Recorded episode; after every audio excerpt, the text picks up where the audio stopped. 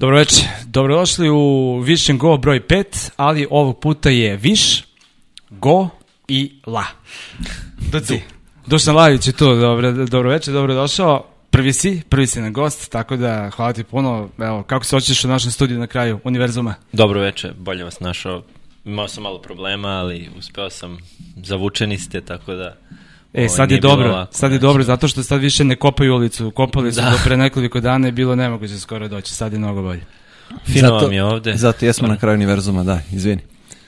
Ne, ne, baš mi se sviđa cela atmosfera ovde deluje kao neki ono, da kažem, boys room. To, to, to, to, to. men's cave. Men's cave, da. da.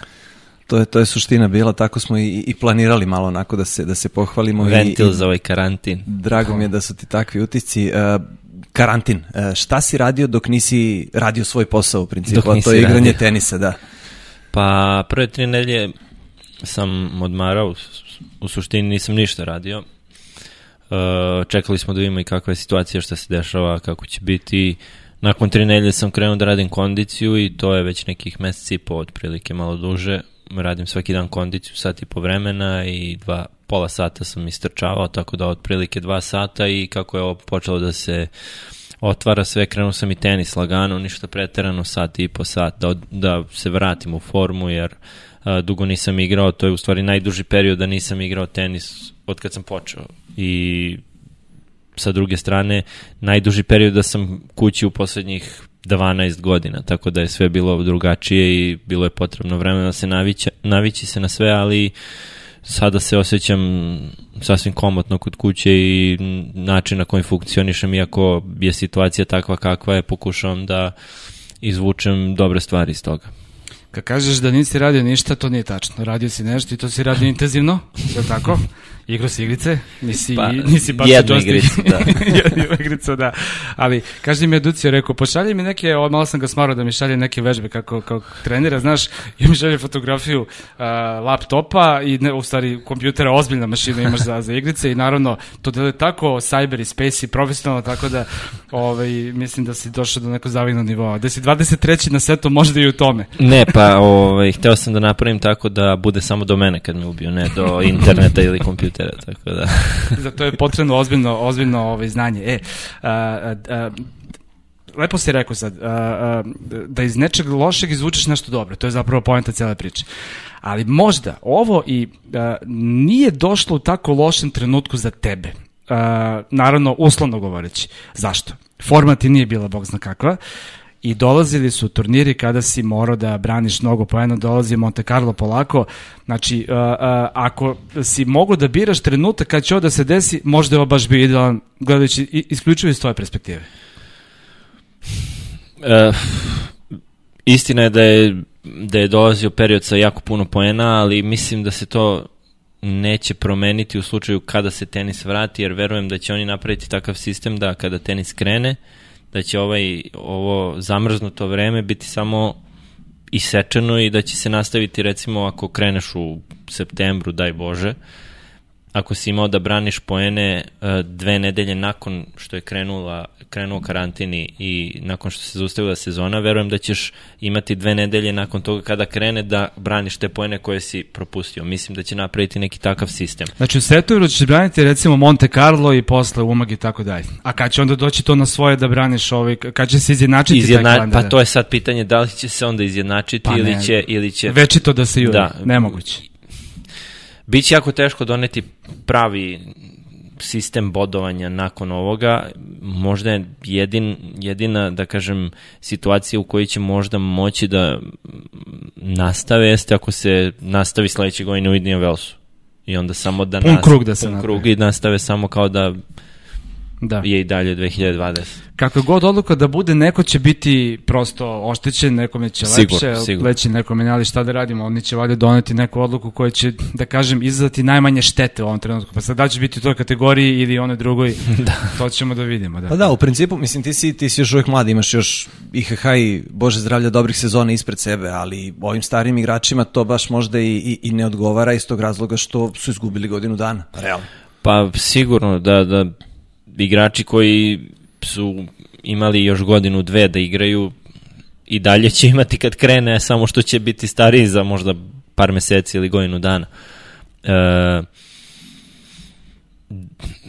takođe je pitanje kolika će pauza biti, jer niko od nas to ne zna. Svi se nadamo da će to da krene što pre, ali opet e, situacija je takva kakva je da ne zavisi ni od ATP tura, ni od igrača, ni od turnira. Zavisi od vlada, od situacije, od zdravlja celokupne planete, tako da je vrlo nezgodna situacija za sve igrače i ova pauza, koliko god da kažem, e, delo je na neki način svi imaju vremena da se pripreme, da napreduju na nekim drugim stvarima, neće biti lako vratiti se na teren posle toliko meseci, tako da vidjet ćemo kako će to sve biti. A, a, rekao si lepo da, da a, nikad nisi imao priliku toliko dugo da budeš kod kuće i da zapravo ne radiš ništa srećom, zato što nikad nisi bio duže povređen. A, da li sad ovaj period, zapravo, a, da li je to možda šansa da se iz a, loše priče izvuče nešto sjajno, a to je da popraviš ono što nikako ne bi mogao da je sezon u punom jeku i da zapravo iz ove priče izađeš bolji i kvalitetniji nego što si bio. Sigurno. Uh, prva stvar na koju radimo jeste ono gde imam prostora da napredujem, to je fleksibilnost i to je na čemu smo radili ovih prethodnih nedelja u smislu kondicije. Sa druge strane, ceo moj tim je van Srbije, tako da i kad krenem da treniram tenis, opet eh, treniram ovde, ali bez trenera, bez uh, podrške, tako da nije lako i teško je ja sad sam da napredujem u, u nekim stvarima. Za mene ova situacija zavisi naravno i kad će da otvore granice, kad će moći da se putuju između zemalja, da moji treneri dođu ili ja da odem u Španiju. Uh, period će sigurno postojati od meseci po dva pre nego što krenemo na teren, što mislim da je dovoljno vremena da se svi pripremimo i opet i da napreduješ u nekim stvarima, jer prethodnih sezona kakve su bile duge sezone, pripreme su trajale dve, tri nedelje, ono, u prošle godine sam odradio dve, dve nedelje pripreme zbog Davis Kupa, pretprošle uh, nedelju dana tenisa zbog uh, povrede ramena, pre toga sam imao operaciju bruha, sam radio dve i po, tri nedelje tenisa, tako da sigurno da ću imati najviše vremena da se pripremim. I šta je ono što ćeš da, da e, kako bi volio da se vratiš sa kojim popravljenim ovi performansama? Osim, osim gipkosti. da, pa mislim, ima stvari koje, da kažem... Ne dire mi backend. To mi ostavi kakav je bio, molim te. Ima, ima stvari, da kažem, koje treba popraviti, a drugi stvari koje treba unaprediti. Ono što na čemu Hoze i ja radimo je da 80% vremena posvetimo stvari, stvarima koje su dobre, a 20% e, stvarima koje su da kažem, kojima treba posvetiti pažnju i promeniti ih ne iz korena, ali na neki način drugačije sagledavati na terenu. E, to je interesantno, izvini što te prekidam, a, je li to običajno kod trenera ili je to neka Hoseova filozofija koja se malo razlikuje od ostalih? Pa mislim da nije uobičajeno, ali Jer ima, ima zanimljiva na, priča na, na, kad, je radio, kad je radio sa, sa Carlos Mojom. Uh, moje je uvek imao slabiji backend i pokušavao je da, da, da izbegava taj udarac koji god je moguće. Uh, nakon što su prekinuli saradnju, krenuo je da radi sa, sa jednim drugim trenerom i dogovorili su se da napreduju u backendu, da poprave backend kao udarac, da, da mu jednostavno ne bude tolika da mu jednostavno ne bude tolika mana. I radili su, popravili su backend, backend mu je bio bolji, stabilniji, jači i sve, ali zato što je njegova dinamika bila takva da dominira forehandom i da igra uh, tenis iz backend strane forehandom, kada je krenuo, popravio je backend ali ni, ni u jednom trenutku nije njegov backhand bio dobar kao forehand, samo što je više igrao backhand nego što bi igrao inače forehand i manje je pravio problema drugim igračima jer uh, nije preuzimao inicijativu forehand. Tako da on je popravio taj udarac, ali njegova igra kao celokupna igra se pogoršala. Tako da iz tog, e, iz tog ugla ja verujem da stvari koje radiš da popraviš treba raditi da uvek unaprediš, ali da to ne remeti tvoju igru kakva je, odnosno kakav je koncept tvoje igre. Tako da je to onako vrlo opipljiva stvar i individualna. Neko može da, da, da se osjeća da je popravio i da mu je dobro i da mu donese samopouzdanje i da odjednom to radi dobro i da mu to ne remeti način na koji je igrao cel, celu karijeru, a nekom to može skroz da poremeti sve. Tako da, m, veoma individualno, zavisi od igrača. Ne, ali ovo je vrlo zanimljiv pristup. U principu treba se fokusirati na, na one glavne adute nekog igrača. Nije, nije moja jedini primjer. Sad možemo da nabrajamo i haj, ali, ali vodiš računa onome što ti dobro i tu napređuješ. Totalno, totalno dobra, da, mislim, dobra to, to, je, to je taj način treniranja gde ti, ok, ako popravljaš stvar koju, koju, koja ti ne ide, ali zanemaruješ ono što dobro radiš, onda i to što dobro radiš ne treniraš i smanjuje se koliko to dobro radiš u stvari. A, kada je počela euforija, pijaca gde ja dolazim i kupujem se rotkvice i tako dalje, i gospođa koja mi prodaje, ovaj, kaže, a, to je bilo pre jedno 7-8 godina, kaže, šta je sa ovaj, Novakom i Forkendom, toliko ga je popravio, kaže, ne mogu da verujem. Ja kažem, jeste, radio je stvarno neke stvari je promenio, kaže, da, ali zato mu sada backend trpi. Majke Znači, rekla mi žena ko mi prode karfiol, ona zna, znači, evo, to je esencija ovoga što si rekao sada. Znači, ok, popraviš to, ali zato neka druga stvar mora da, da trpi. To što smo mi sad postali takva nacija, da znamo sve, apsolutno, to je, to je druga stvar. Aj kad smo pomenuli samo novo, kad neću pričamo o njemu, nego A, a, sad, u ovoj izolaciji, a, svi vi teniseri i generalno sportisti imate više vremena za društvene mreže i ostale stvari i za razmišljanje prosto, za iznošenje stavova i tako dalje i tako dalje. I sad Novak je uh, u požižu javnosti sa ovom izjavom oko ove vakcine i sa, sa, sa uh, ovim uh, časkanjem sa ovim brokerom Ovaj, pa s ovim Džafari, ne znam, možda nisi čuo da, da, da misli pomoću molitve i snažnog osjećaja zahvalnosti da mogu da se izbace toksične materije iz uh, vode i hrane i tako dalje, možeš misliti sa koliko to izazvalo erupciju ovaj, reakcija širom sveta, ali ne samo Novak, nego i Nadal, recimo, koji je iskritikovao špansku vladu kako se ponala tokom ove pandemije i zato su ga sada u Španiji uzeli na zub ozbiljno, on je u velikom ratu sa gradonačelnikom Anakora, recimo. Hoću da te pitam sledeću stvar. Uh, a, a, zašto ljudi reaguju tako? Zašto ljudi kažu, e, čuti, igraj tenis? Jer to što si vrhunski u svom poslu i što iznosiš stavove koji su velikog značaja za neke druge stvari, neka jedna loša stvar. I da li to što radiš zaista a, a, a, moraš da meriš i da sečeš zato što ima veliku odgovornost prema milionima ovaj, pratilaca i ljudi koji te poštuju? Nemam toliko ljudi koji me prate i ovaj, ne znam, Imaš ali... dosta. Da. ali mislim Obožavajte da... žene, to znaš. I to. ovaj, mislim da, da je jednostavno nije problem, ali je situacija takva gde oni imaju stvarno jako puno pratilaca i fanova širom sveta i svaka njihova reč je tako reći teža nego reč običnog čoveka ako to običan čovjek na ulici izjavi i kaže, svi će reći u fazonu ok, ti tako misliš ali kao ako imaš jako puno pratilaca i ljudi koji će uraditi ono što ti kažeš, onda možeš biti obazrivi. Sa druge strane, uh, ja se slažem da svako treba da ima svoje mišljenje i svoje verovanje i ako je to u šta ti veruješ, šta te briga, šta drugi ljudi misle na to. Sada, ta odgovornost o kojoj pričamo, uh, zavisi za šta se odnosi. Ako ti, ne znam, kažeš, vidite, skočite s mosta, to nije dobro, ali ako savjetuješ ljude sa svojih ličnih primjera šta je tebi dobro, onda je možda i dobro. Uh, Prosto daješ stav svoj. Daješ stav, da. Mislim, ja sam uvijek da svako ima svoj stav i svako da se drži toga. Uh, sa druge strane, to za Rafu nisam ni ispratio, ne znam šta je bilo, ali opet on ima svoj stav o tome da je nešto nije dobro. Sada to možda što to pogađa te ljude koji su u politici ili u vrhu vlade, opet uh, oni znaju da to njima šteti jer je jedna osoba kao što je Nadal to rekao i verovatno zbog toga su sad oni njega uzeli na zub.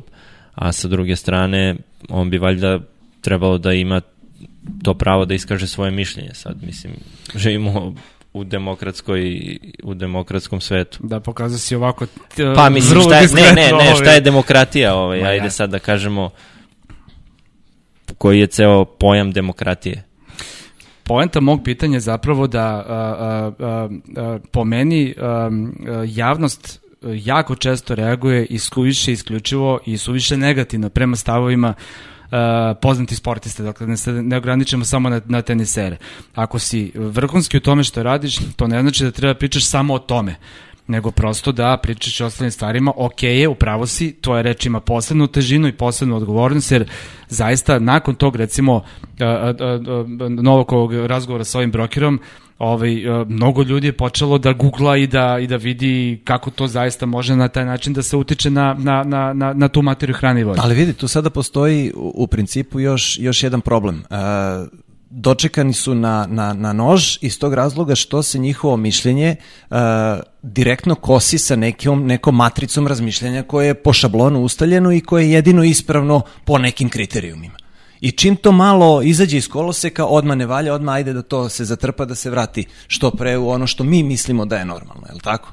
i što nije u sklopu sa ovom super popularnom političkom korektnošću od koje mi je muka ono u principu i koja se toliko forsira sad na ti to jako dobro znaš u tenisu toga ima mnogo. Jel da tako, mislim sada... uh, tenis je najpolitički korektniji sport među svim pogotovo iz razloga što je tako koncipiran da da si ti sa svim tim ljudima okružen na svakom turniru tako da uh, ne znam, u futbalu svak, svaki tim ima svoju slačionicu, ti možeš da pričaš bilo šta protiv, mislim ne bilo šta, ali možeš da pričaš onako što bi se reklo malo tog trash toka. A u tenisu sad nije realno da ti to pričaš i onda posle toga dođeš u slačionicu i imate loker jedan do drugi. Kao, I e, zato pa imamo da, mnogo anegdote, imamo zato u da. tenisu da. raznih. Tako da, uh, sa druge strane ima istoriju da je, da je bio gospodski sport, džentlmenski sport, e, to je druga stvar i nekako trebalo bi te principe zadržati, jer sad opet imamo toliko sportova koji su, koji su jednostavno show, show biznis, a sa druge strane malo sportova koji su stvarno gospodski što, da, što ne ići u tom pravcu kad već imaš celu pozadinu da, da si jedan takav sport. Tako da uh, E, u mom slučaju ja baš razmišljam, nisam imao možda i jednog igrača s kojim nisam pričao, ono, da kažem, od svih na turu. Ko je, ko je, ko je? Kaži, kaži. ali sada pričamo, da. Nema veze, kaži okay. Da, nije iz Srbije, ali je, u, u, graničimo se sa tom zemljom. Ajde, sad ćemo da igramo kviza. Granično, čekaj, čekaj. Brze Dimitrov. pitalice. Dimitrov. Ne, ne. A, graničimo se sa zemljom. Bosna nije, znam, sa bosancima si super, sa Hrvatima si super. A, ko može da bude, majko? Ne znam, ajde razmislit ćemo. A Mađarska, s kim si dobar? Mađarska, ne. E, a ko je gotivan? S kim si, s kim si najgotivniji? Mislim, ko ti najbolje ovako, ovi drugar na, na turu? Pa generalno što uvek svi mi kažemo na, iz naše regije, ono, bosanci, srbi, hrvati, najviše se družimo.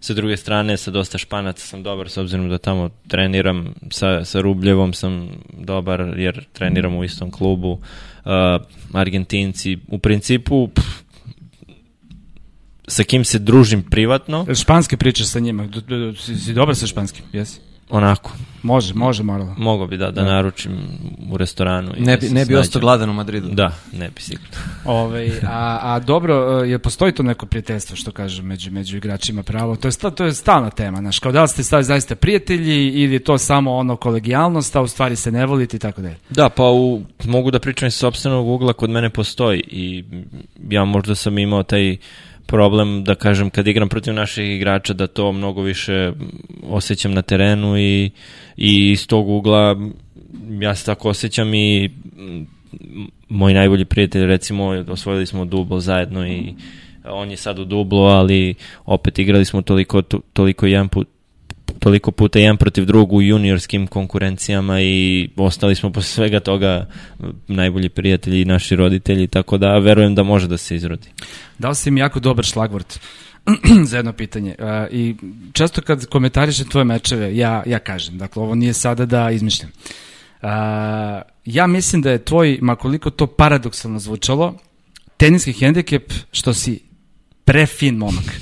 Znači, ti, ti si toliko normalan, ti si toliko fino vaspitan. Prvo, tvoji roditelji su, ima raznih roditelja, tvoji roditelji su divni ljudi i oni su tebe tako vaspitali i ti si čovek koji uh, na terenu uh, pokazuje previše ljudskosti. Ja mislim da tebi nedostaje onaj animalni životinski instinkt.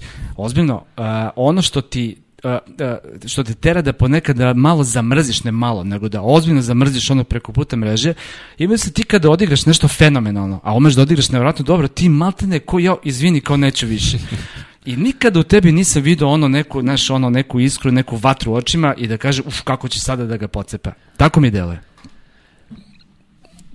Ne znam šta bih rekao, mislim, sa jedne strane tako sam odgajan i vaspitan i mislim da je to ono suština života, da ne mrziš druge ljude i da budeš na Tako neki je. način da imaš uh, pozitivne misli, zdrave i dobre misli. Ali da li je to okej Sa druge strane, teren? u sportu je to možda sukob interesa gde je sport, da kažem, nadmetanje između dva čoveka koje se još e, prenosi iz davnih dana kada su to bili gladijatori i sa te strane vidimo da je tu bila ta borba ne samo fizička nego i mentalna, odnosno da ti ne može da naškodiš nekom ako ga ne, ne mrziš, a a, ovo je sada na jedan finiji način danas sport, da kažemo.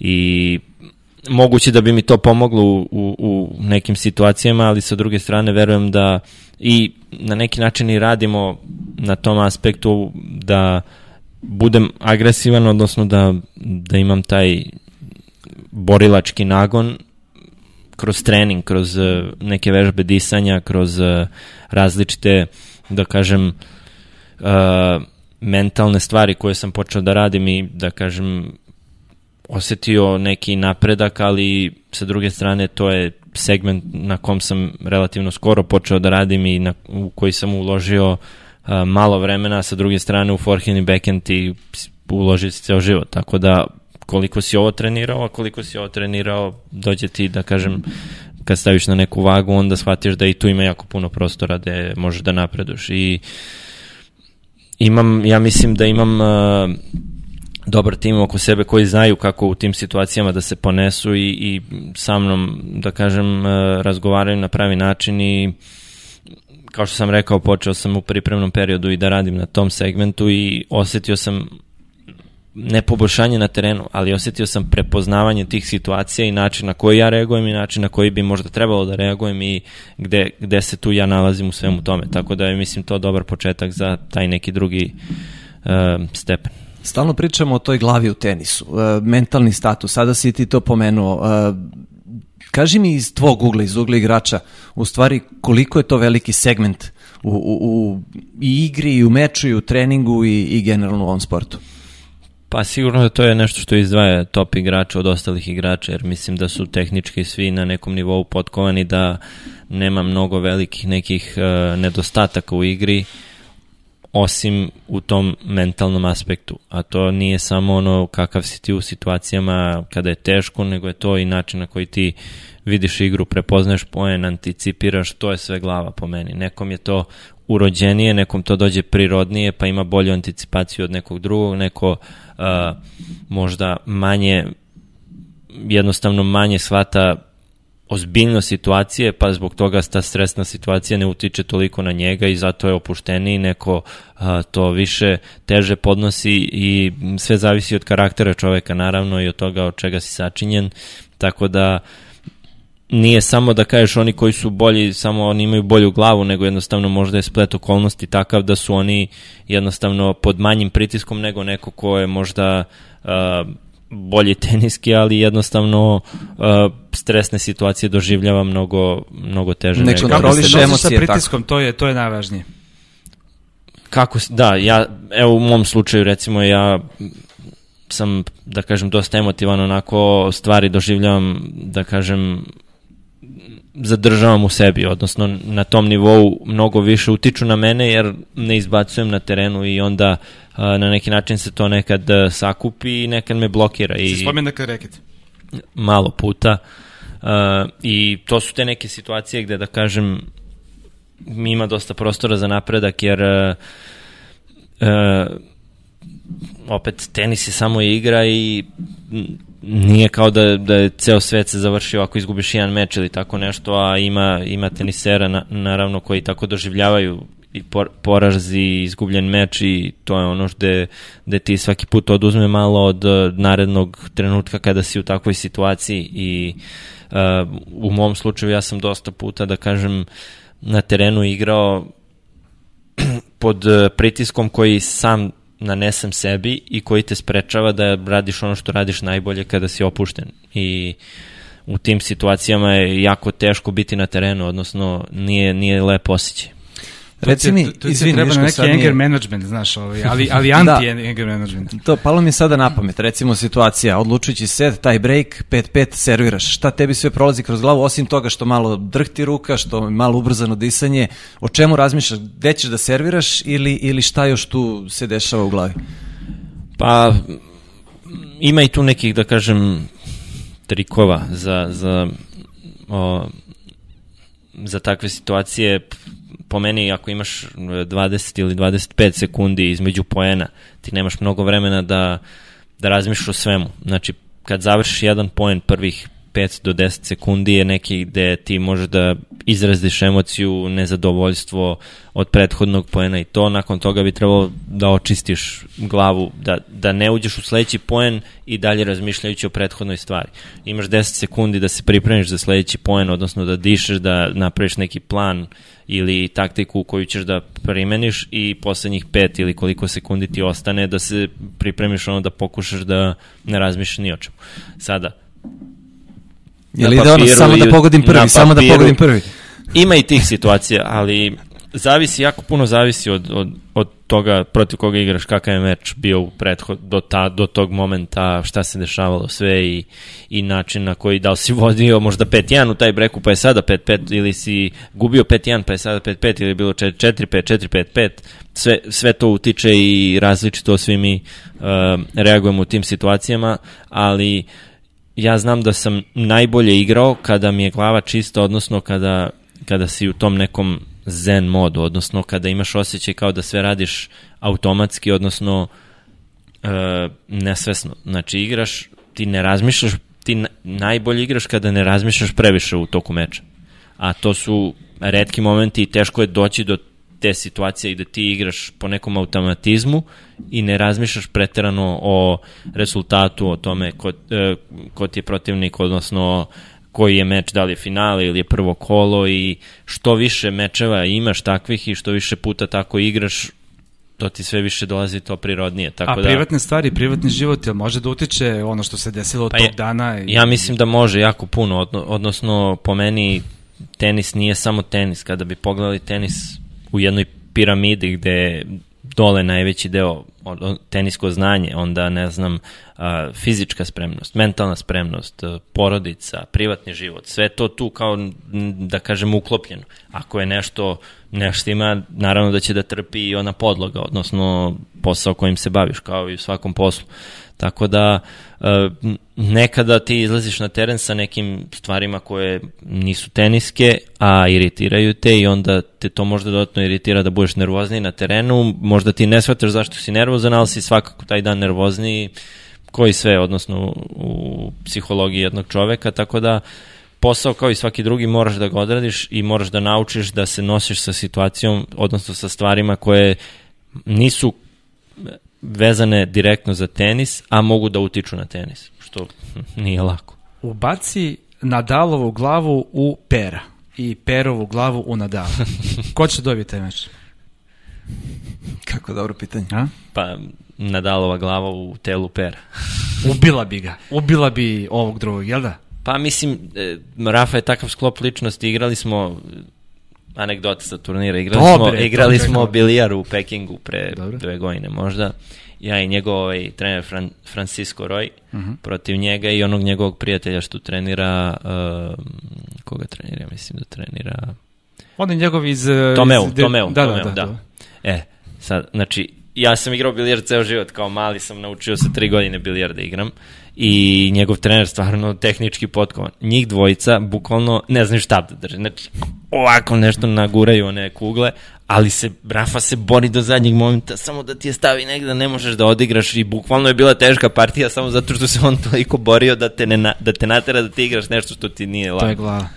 tako, on je u svemu u tome takav i jednostavno to je ta glava o kojoj pričamo i mislim da bi u telu Pera dobio Nadala s, s glavom Pera. Što je samo dokaz zapravo koliko je ta psiha zapravo bitna Da. u tenisu. A, Duci, kako ti se dopada ova priča, ovaj, ovaj, ovaj Đoković plan da se ovi a, finansijski pomognu ovi slabiji, slabiji teniseri? Sad ima tu raznih, da kažem, rupa i, i mnogo se prašine podiglo i stav Dominika tima i uh, ti si kao 23. na ATP-u, ti bi u tom slučaju koliko, neko 5000 ili tako Mislim da nešto? je 10. Da. 10 trebalo da daš. Ti najbolje znaš a, kako je teško tu kad balansiraš oko stotke i kada uđeš i tako dalje i da si u toj poziciji koliko bi ti zaista to za, u ovom trenutku ove značilo. Sa tim što plan ima, izvini, plan ima neke rupe definitivno jer ima igrača koji su van 100, imaš gubisa koji van 100, izvini, šta njema znači 10.000 dolara, a imaš opet igrača koji su jedva ušli u stotku posle ne znam koliko muka i sada se, da, da, da, da znači, a, a, ne znam koliko taj plan može da zaživi kao takav ili će morati da se naprave tu neke razne ove sad Pa svaka inicijativa Promene. da se pomogne ljudima kojima je potrebna pomoć, mislim, ne možeš, ne postoji niko ko bi rekao da je to loša stvar. Sa druge strane, uh, većina igrača koji su u top 100, da kažem, su bili u toj situaciji gde se nalaze igrači koji su van 100 i van 200 i koji bukvalno igraju tenis na mesečnom nivou da bi preživeli i jedan igrač koji je recimo 400 na svetu, on ništa nije zaradio od tenisa, on ne zarađuje, on je u minusu i način na koji oni funkcionišu je sa tim rangom igraju lige po Evropi pa tamo zarade neki novac da bi pretplatili putovanja, Da bi turnire, preživeli, bukvalno. da bi preživeli, da. I sa druge strane imamo igrače koji su bili u top 100 zaradili, ali su sada 200 300 i ne znam koliki je procenat, ali sigurno da ima dosta tih igrača. I treća stvar je što imamo igrače koji su iz eh, zemalja gde su federacije jake, gde imaju pomoć i gde nemaju troškove i gde ne osjećaju taj pritisak finansijski. Tako da ima nivoa gde pomoć nekima bi došla bukvalno kao vazduh, a drugima ne bi ništa značila. I sada ti opet ne možeš da nateraš igrače iz prvih 100 da doniraju, jer mislim to jeste na neki način vid donacije, jer, a ti ne možeš nekog da nateraš da donira. On bi morao to samo inicijativno da uradi. Sa druge strane, uh, nije ovo, da kažem, pomoć njima, jer oni ne igraju mesec dana tenis. Ova situacija može da traje 6, 7, 8 meseci i tih 10.000 dolara nisu mesečno, nisu na mesečnom ne, nivou. za- za To je taj period, jednom, da, da, da. ali to može da traje godinu dana, tako da e, neki ljudi, čuo sam ljudi kažu da, ali on takav novac nije zaradio za godinu dana koliko igra, ok, ali on možda ne bude igrao godinu dana, tako da od čega će da živi. Ali potpuno ista stvar sa u ovoj situaciji ljudi koji imaju ušteđevinu, njima ovo dođe kao koliko je sve u redu sa zdravljem, njima dođe ovo kao period gde se druže sa porodicom, gde provode vreme kod kuće, a, a ljudi koji rade na mesečnom nivou da bi platili računi, da bi preživeli, njima je opakao ako nema posla. Tako isto i u tenisu. I p- ja verujem da bi igrači trebalo da pomognu slabijim igračima i u ovoj situaciji, ako je to 10.000 dolara, mislim, uh, svakom to mnogo znači, ali pitanje je koliko bi onom tamo značilo. A da se nađe neki sistem i struktura kome bi se pomagalo je sa druge strane isto rešenje gde bi bilo fair, jer ne bi bilo fair da ti, ako si ušao u 100 sa challengerima, daješ Gulbisu koji je bio top 10 10.000. Ali izvini, to ne treba igrači da rade, jel tako? To treba da A rade to treba federacije. ATP kao vaše udruženje ili ITF, bilo šta. Ok, da li inicijativa treba da krene sa strane igrača, ali ipak treba Naravno, vaša matična naravno. kuća da stoji za vas, Mislim da je to zato i pokrenulo sve to, jer su igrači, odnosno top igrači pokrenuli tu inicijativu i onda su federacije i ATP i ITF shvatili da, da nije ni malo naivna situacija.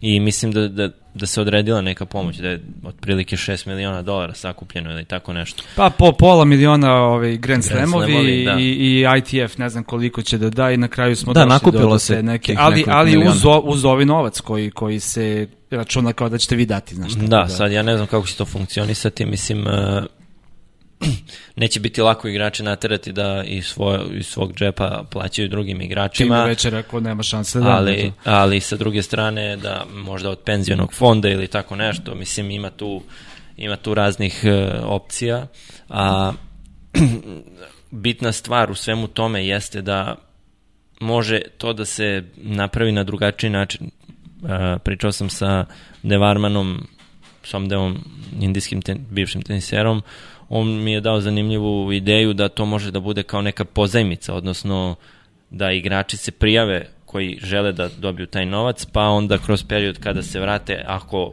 dođu do top 100 ili ne znam, top 200, uh, vrate kao Pa neki kredit. zvuči. Da. I onda ne moraju svi da dobiju, ne moraju svi da uzmu, oni kojima je potrebno dobiju, uzmu. Ako Znači, uspeju, ako hoću 100 evra da zovem, jel? Tako je. Šalim se. Ako ovaj Ja ako ako dođu Mnogi do nivoa, šale. ako nođu, dođu do tog nivoa gde mogu da da vrate taj novac, vrate. Ako bude 400 ti dobije pomoć i na kraju završi karijeru kao 700 ti jednostavno on nema da vrati to je bespovratni Da, kredit to zvuči fino, god. to zvuči fino. E, a na šta me sada u principu interesuje? Pričamo o toj stotki kao magičnoj brojki da, da se nešto uspe u tenisu u principu. I dobro, matematika je tu jasna. Ideš u, prvi, u prvo kolo Grand Slamova, tu zaradiš novac koji ti je dovoljan za, za tih godinu dana da, da se baviš tenisom i još nešto malo ostane. Međutim, šta rade oni ispod stotke? U principu, mnogo je teško doći dotle, a e, mnogo je mnogo je više onih koji su koji su zapravo pogođeni e, lošom raspodelom čini mi se čini mi se sredstava jel? Para ima definitivno. Ali kako kako to možda pravičnije raspodeliti? Pa najveći problem u svetu tenisa je taj gde se igrači bore, da kažem, za svoja prava na jedan način na koji oni ne mogu da se izbore, jer niko od nas nije obrazovan, nije školovan da bi poznavao celu situaciju tog pregovora na tom nivou u biznisu, a sa druge strane, to je ono što mi radimo. Jer ATP je osnovan kao asocijacija teniskih profesionalaca od strane tenisera, jer su bili u sukobu sa ITF kada je bila koje godine, ne znam, 68, ne, 68, Sedma zapravo. 67, da. 67. je počelo 73. čini mi se formiran ATP tur kao takav jel Tako, je. To je bilo kada, ne znam, šta je bilo? Niki- Ujedinile su se one LTC, e, VTCT, e, NTL, Da, neke su različite da, lige uglavnom, bile i onda je... uglavnom, uglavnom je to osnovano od strane igrača da se pomaže igračima. Da, bio je, izvini, Pilićev bojkot uh, Wimbledon. Wimbledona, Tako da. je, da. Preko 80 a, a, a igrača kada bi ne sada postavili to pitanje da li je ATP dalje asocijacija teniskih profesionalaca koja se bori za pomaganje igračima ili je to organizacija koja se bori da uspostavi balans između turnira i igrača gde će svi da kažem biti zadovoljni to je sada razlika u, u odnosu na to vreme. Naravno, tu je mnogo veći novac u igri, ali ja verujem da oni treba i dalje da zaštite igrače, kao što je to u nekim drugim sportovima. Ono što, što je, da kažem, upada u oko je ta raspodela novca na Grand Slamovima, odnosno uh, prize money koji je određen za igrače je samo 7 ili 8% od celokupnog uh, Prihoda turnira. prihoda turnira.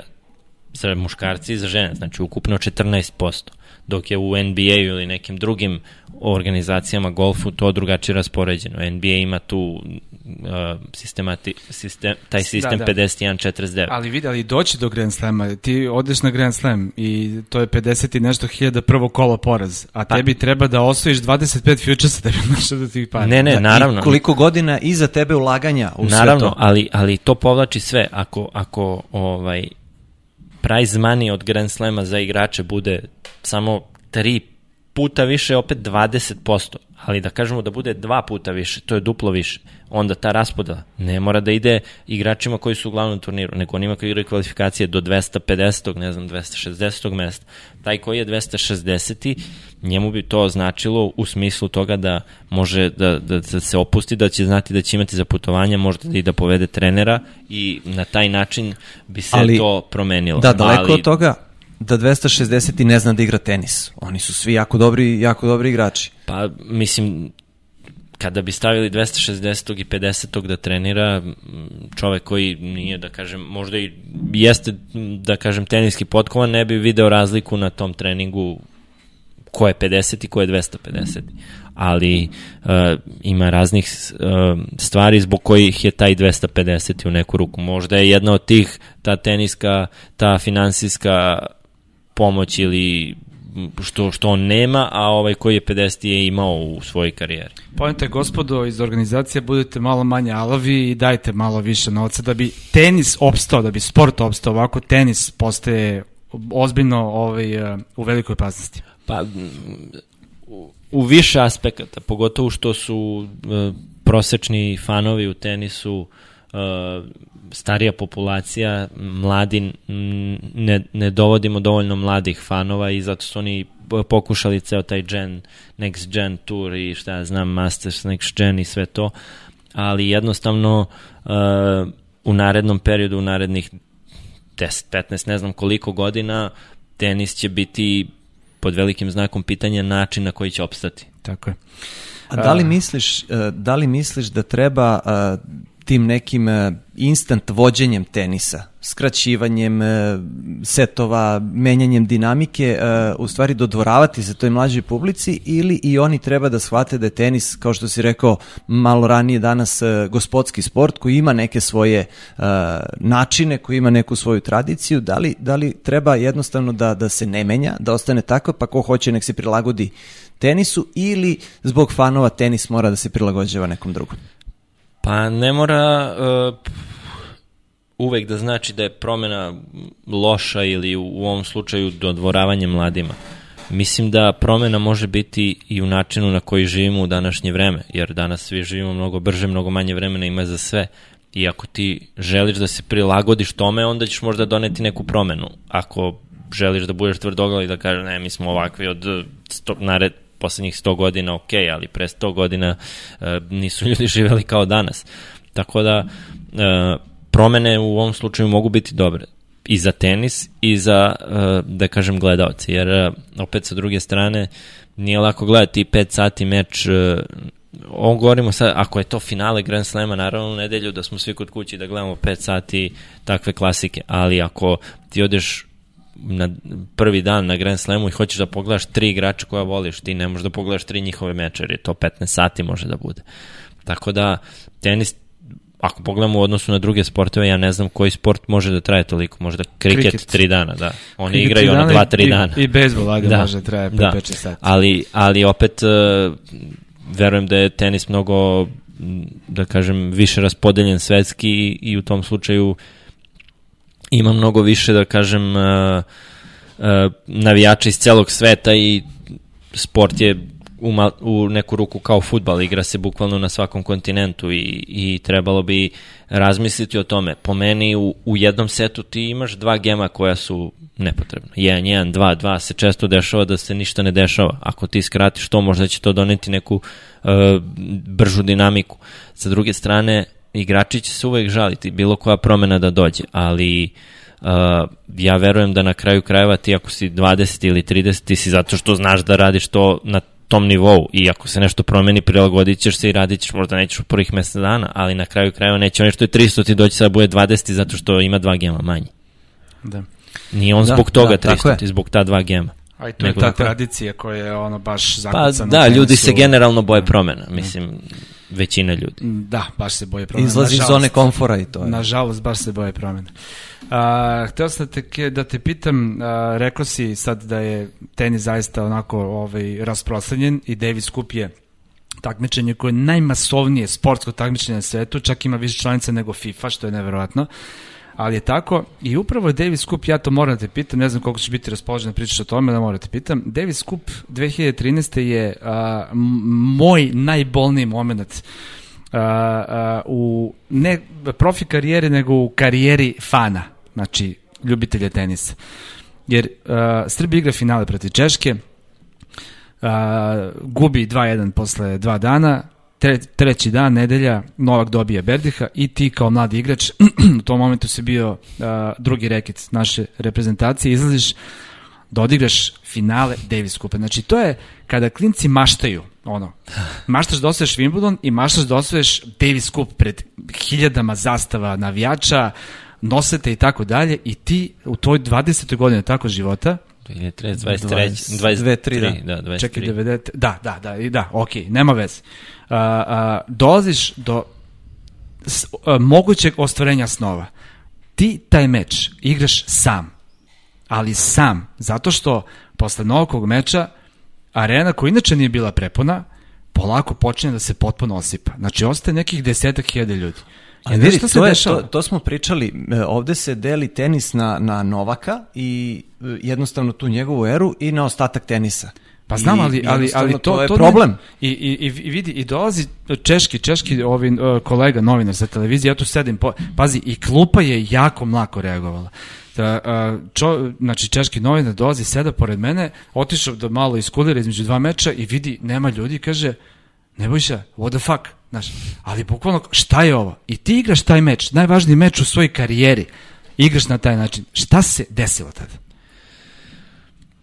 Mislim, dobro Ivan rekao, kod nas postoji publika koja gleda samo Noleta i naravno čovjek je najbolji na svetu i jednostavno kada u Srbiji kažemo tenis, pomislimo na Novak. Ali sa druge strane mi nemamo tu tenisku tradiciju da, da stvarno i gledamo tenis iz razloga što je tenis lep sport. U Italiji recimo vi na Futuresu imate pun klub, to je hiljade ljudi gleda Futures ali ne zato što su oni došli da gledaju Futures kao Futures, nego je njihov način življenja u teniskom klubu, tamo imaju koktel, tamo idu, igraju tenis, druže se, socijalizuju se. Tradicija. I tradicija. Uh, siguran da ako bi se tenis u kafane igrao u Srbiji da bi imali mnogo više navijača. Na ali- splavu. uspeha, i Na ali, ali to je sada da, Kako si druga, se osjećao druga stvar. Kako si se osjećao ti taj meč? U tom trenutku to je za mene bilo ono da kažem jedan od mečeva gde sam ja na neki način mogao da izvučem dobro i loše da moja karijera krene u dva različita smera. Ja sam se osjećao kao da sam ono izneverio zemlju, jer igraš, gubiš najvažniji meč, a sa druge strane nije realno da ti igraš prvi zvanični meč u Davis Kupu u finalu, mislim. Uh, Ti si igrao prvog dana, ali tako? Igrao sa, sam sa prvog dana da. i to je prvi put da sam igrao na, na tri dobijena seta i prvi put da sam igrao uh, zvaničan meč, odnosno live meč u Davis Kupu. Tako da uh, m, cela ta situacija je bila nerealna da ja sad kao pobedim taj meč ili u mojoj glavi je bilo da ja taj meč pobedim i moram da pobedim, inače smak sveta. Ali, ali defetizam je bio prisutan svuda. Nisi imao hrabrenja nikako, ništa, niko te nije bodrio, bukvalno, bio si čovek sam. Pa mislim, e, to su te neke situacije gde, gde, gde se cela ta stvar okrenula tako da je Viktor bio suspendovan, Janko bio povređen, e, Nole je dobio svoje mečeve i sada male su šanse, verovatno su se ljudi tako osjećali i onda možda nisu mogli da izvuku to iz sebe, ali ono što je meni uh, bilo, da kažem, šta mi je bilo najteže igrati protiv Štepaneka koji nije igrač koji ti dozvoljava da imaš neki ritam. A sad ja volim da imam ritam još tada kad sam bio mlađi i kada nisam bio iskusan mi je to dodatno zbunilo. Na terenu sam se osjećao kao da je nešto što nikad u životu nisam radio. A sa druge strane, posle tog Davis kupa, to je pozitivno uticalo na mene jer mi je dalo neki podstrek da, da napredujem i da uđem u sto i da na neki način ne dođem u takvu situaciju, da budem u toj situaciji opet e, na taj način. I mislim da da je koliko god celo to iskustvo bilo za mene, da kažem, bolno, izvukao sam dobre stvari u narednom periodu, naravno ne narednih mesec dana, ali u narednih nekoliko godina. Da, samo mi smo se onako tu onako lepo etablirali kao prosto ljubitelji tenisa koji sve znaju, koji vole da pišu i da kritikuju i da pišu poruke i tako dalje, ali kada treba se pomogne nešto zaista, tu nas nigde nema, zato je na kraju kraja Srbije opet imao tako, između ostalog imao tako kratko, kratku karijeru, tako, krat, kratak život. Dobro. A, ništa, Duci, a, a, ovaj, imaš trening, nećemo mnogo da te zadržavamo, ovaj, a, ideš, treniraš, a, na Đukiću si sada, Jesam, da, tamo sam počeo. Tamo trenirate i treba i svašta se dešava nešto, ovaj priprema se ne, organizacija nekih e, raznoraznih takmičenja. Evo vidim sad konkretno ovaj Eastern European Championship e, Tipsarević što organizuje, već e, si onako najavljen kao ozbiljno, kao veliki ovaj učesnik tog turnira. O čemu se to radi? To treba da bude ozbiljno takmičenje. Pa, Janko je to zamislio kao neku tenisku ligu. Sada, ja ne znam detaljno o svemu tome, on još nije izjasnio konkretan plan. Sa druge strane, uh, ima jako puno igrača iz naše regije koji će, koji će igrati na tom takmičenju i ja verujem da može da bude vrlo zanimljivo takmičenje za ljude, odnosno takmičenje, ajde da kažemo liga, za ljude koji koji vole da gledaju tenis uživo i imaju priliku da gledaju igrače iz top 100. I za vas, i za vas da odigrate I za, naravno I za nas da odigramo neke mečeve koji su, da kažem, takmičarskog tipa, ali, ali su malo opušteniji i uh, to bi trebalo da traje otprilike mesec dana, ja mislim, od kraja juna do, do nekog jula. e, da se igra na dve lokacije, ne znam još e, tačno da li to je objavljeno ili nije, da li smem da kažem. E, sa druge strane, e, Dobra je stvar što se igra u, u Srbiji kod nas u Beogradu i što će ljudi moći u ovom periodu kada nije bilo ni sporta ni svega da gledaju tenis Eto. opet uživo i da uživaju u dobrom tenisu, da kažem. Nemamo Challenger, ali zato imamo kad je pandemija, onda imamo zato naše takmičenja Onda se igra najbolji. tenis. Duci, a, dobijaš Wimbledon 2008. nema za bajetoje, molim te jedan potpis tu da nama ostane. I a, potpisat ćeš se na šolju ovaj, svoju personalizovanu ovaj, koju ćeš čak i odneti kući, ali moraš da nas se potpišeš, hvala ti. To, to, Duci. E, i dok se potpisuješ, razmisli, li imaš neku anegdotu, ti si mi pričao nešto dok si držao laboratoriju kafe, više ne držiš, tamo si mi ispričao jednu ludačku priču, pazi, ono što smeš da pričaš, naravno, znate, da. mnogo što ne, imao si jednu fenomenalnu priču Ali ne setim šta je bilo, se sećaš možda? Pa kad sam putovao za Ameriku iz Bravo, Italije putovanje, molim te ispričaj, ispričaj, slušaj ovo priču, ovo je navratno, ajde. Da. Igrao sam uh, Challenger u Italiji, izgubio četvrt finale Bijela, to je kod Milana, sat i po dva od Milana. Um, izgubio sam u petak uveče u 8 i imao sam let za Ameriku u nedelju u 1, tipa Beograd, New York, direktan let i onda išao za Atlantu na ATP. I ili sam imao u subotu, u subotu, pardon, u subotu u jedan popodne. I nije bilo letova iz uh, Milana ili na bilo koji način da stignem ujutru u Beograd sutradan da bih uh, putovao za Ameriku. Tako da smo odlučili da uzmemo renta car, da idemo nazad za, za Beograd i da stignem, treba koliko sati iz Milana i da stignem taman na taj let e, rentakar zatvoren, nema u bijeli 8 uveče, petak, nema ništa ne radi, tako da smo išli taksijem do uh, Milana, do aerodroma, tamo da uzmemo rentakar, to je bilo 2 sata, u 10 smo uzeli rentakar, ne može da se vrati rentakar u tom trenutku u drugoj zemlji, odnosno Sloveniji, Hrvatskoj, a kamoli Srbiji, tako da je jedino što smo mogli da uradimo je da vratimo u Trstu, na, u Trstu na aerodromu ili u Veneciji, u Trstu, u Trstu, pardon, uh, na aerodromu auto i u 10 uveče u petak smo krenuli, u 3 ujutru smo stigli u Trst na aerodrom, aerodrom zatvoren, znači zaključen aerodrom, a onaj boks za, za rentakar, za ključ je u aerodromu. I srećom, moji roditelji su bili uh, u blizini ovaj, u Istri kod prijatelja nekih, tako da je moj otac došao kolima do Trsta, da nas on vozi posle do Beograda. I sada u tri ujutru ja onako tražim gde da ubacim ovo, nema nigde, ja kucam na ona vrata, kucam, kucam, kucam i budi se neki ono iz obezbeđenja italijan. E, accuse, accuse, accuse, zatvoren, zatvoren. Ja o, u šorcu i majici, bukvalno, molim vas, samo da ostavim ovo, ovo, ovo, molim vas. I on ovako uspaničio se u jednom trenutku i povlači pištolj i repetira u mene. I ja sam da ovako stao, ovako držim ključeve ovde i stojim i ne znam šta, mislim, ono, da ne napravim neki nagli pokret da se uspaniči, da, da me upuci.